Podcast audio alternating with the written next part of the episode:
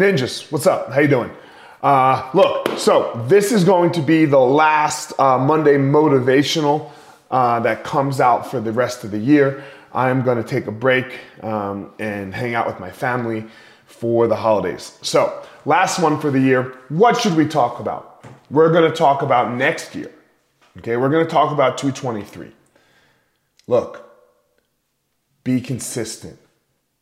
Develop a habit of consistency. Okay? And if you can do the consistent things skillfully and repeatedly, then you're gonna be fine.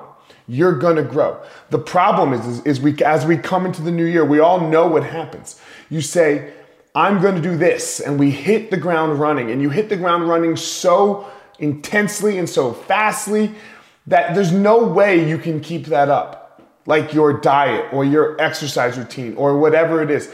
Nobody can work out 10 hours a day and actually live a life with kids and a job and, and, and a spouse and things like that. Unless, unless the, the working out is your job.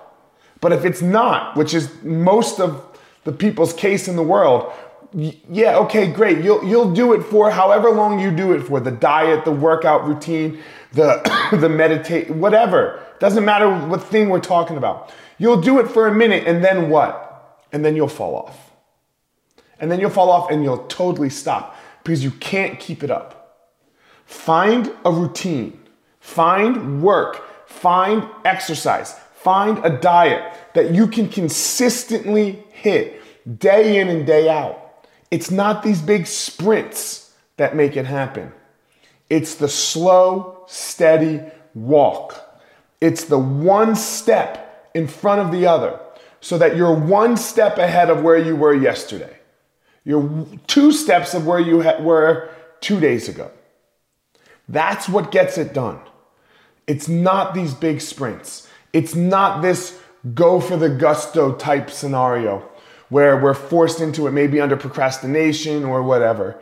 Uh, just be consistent. Just be consistent with the day in, day out practice of being a fucking boss. That's what being the boss or the champion of your life actually is. That's where you're going to discover all of your passion, find your power, and then be able to go give that purpose to the world. I wish you all a great holiday whichever one you celebrate, and even if you don't celebrate at all.